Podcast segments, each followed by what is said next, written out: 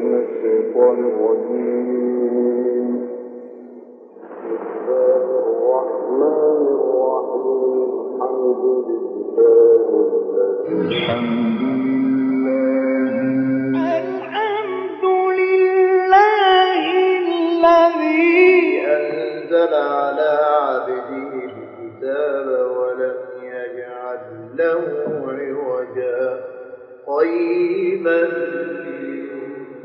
من سير القراء لفضيلة الشيخ ياسين بخصيوان. قارئنا متفرد في الأداء وجامع للقراءة والإنشاد صاحب بصمة وطريقة راقية لم يكن ليتقدم عليه أحد في زمنه في الابتهال الديني. إنه فضيلة القارئ الشيخ طه الفشني. يا يحيى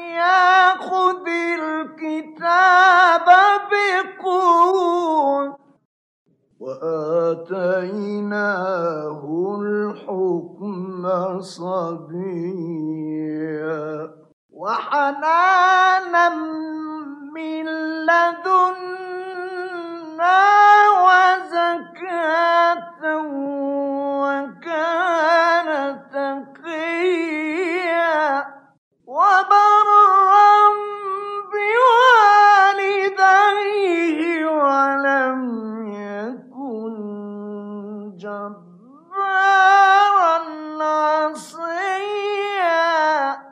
ولد الشيخ طه الفشني عام 1900 من الميلاد. بمدينة الفشن إحدى مدن محافظة المنيا تتبع الآن لبني سويف في أسرة متدينة والتحق بكتاب القرية وبه حفظ القرآن الكريم كاملا.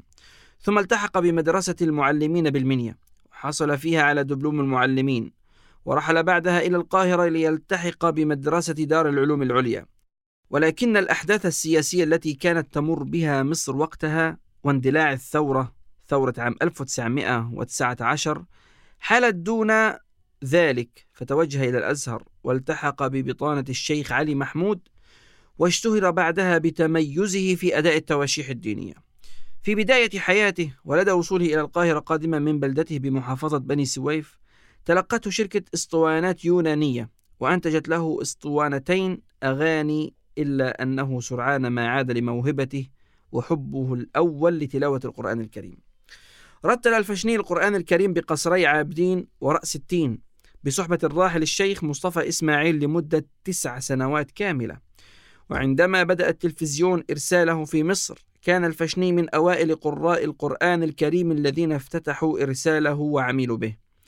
حفظ القرآن ثم تعلم القراءات وتدرج الشيخ طه الفشني في دراسته الدينية والعامة وحصل على كفاءة المعلمين من مدرسة المعلمين في عام 1919 حضر الشيخ طه الفشني إلى القاهرة والتحق ببطانة الشيخ علي محمود ثم ذاع صيته بأنه قارئ ومنشد حسن الصوت والتحق بالإذاعة المصرية في عام 1937 من الميلاد.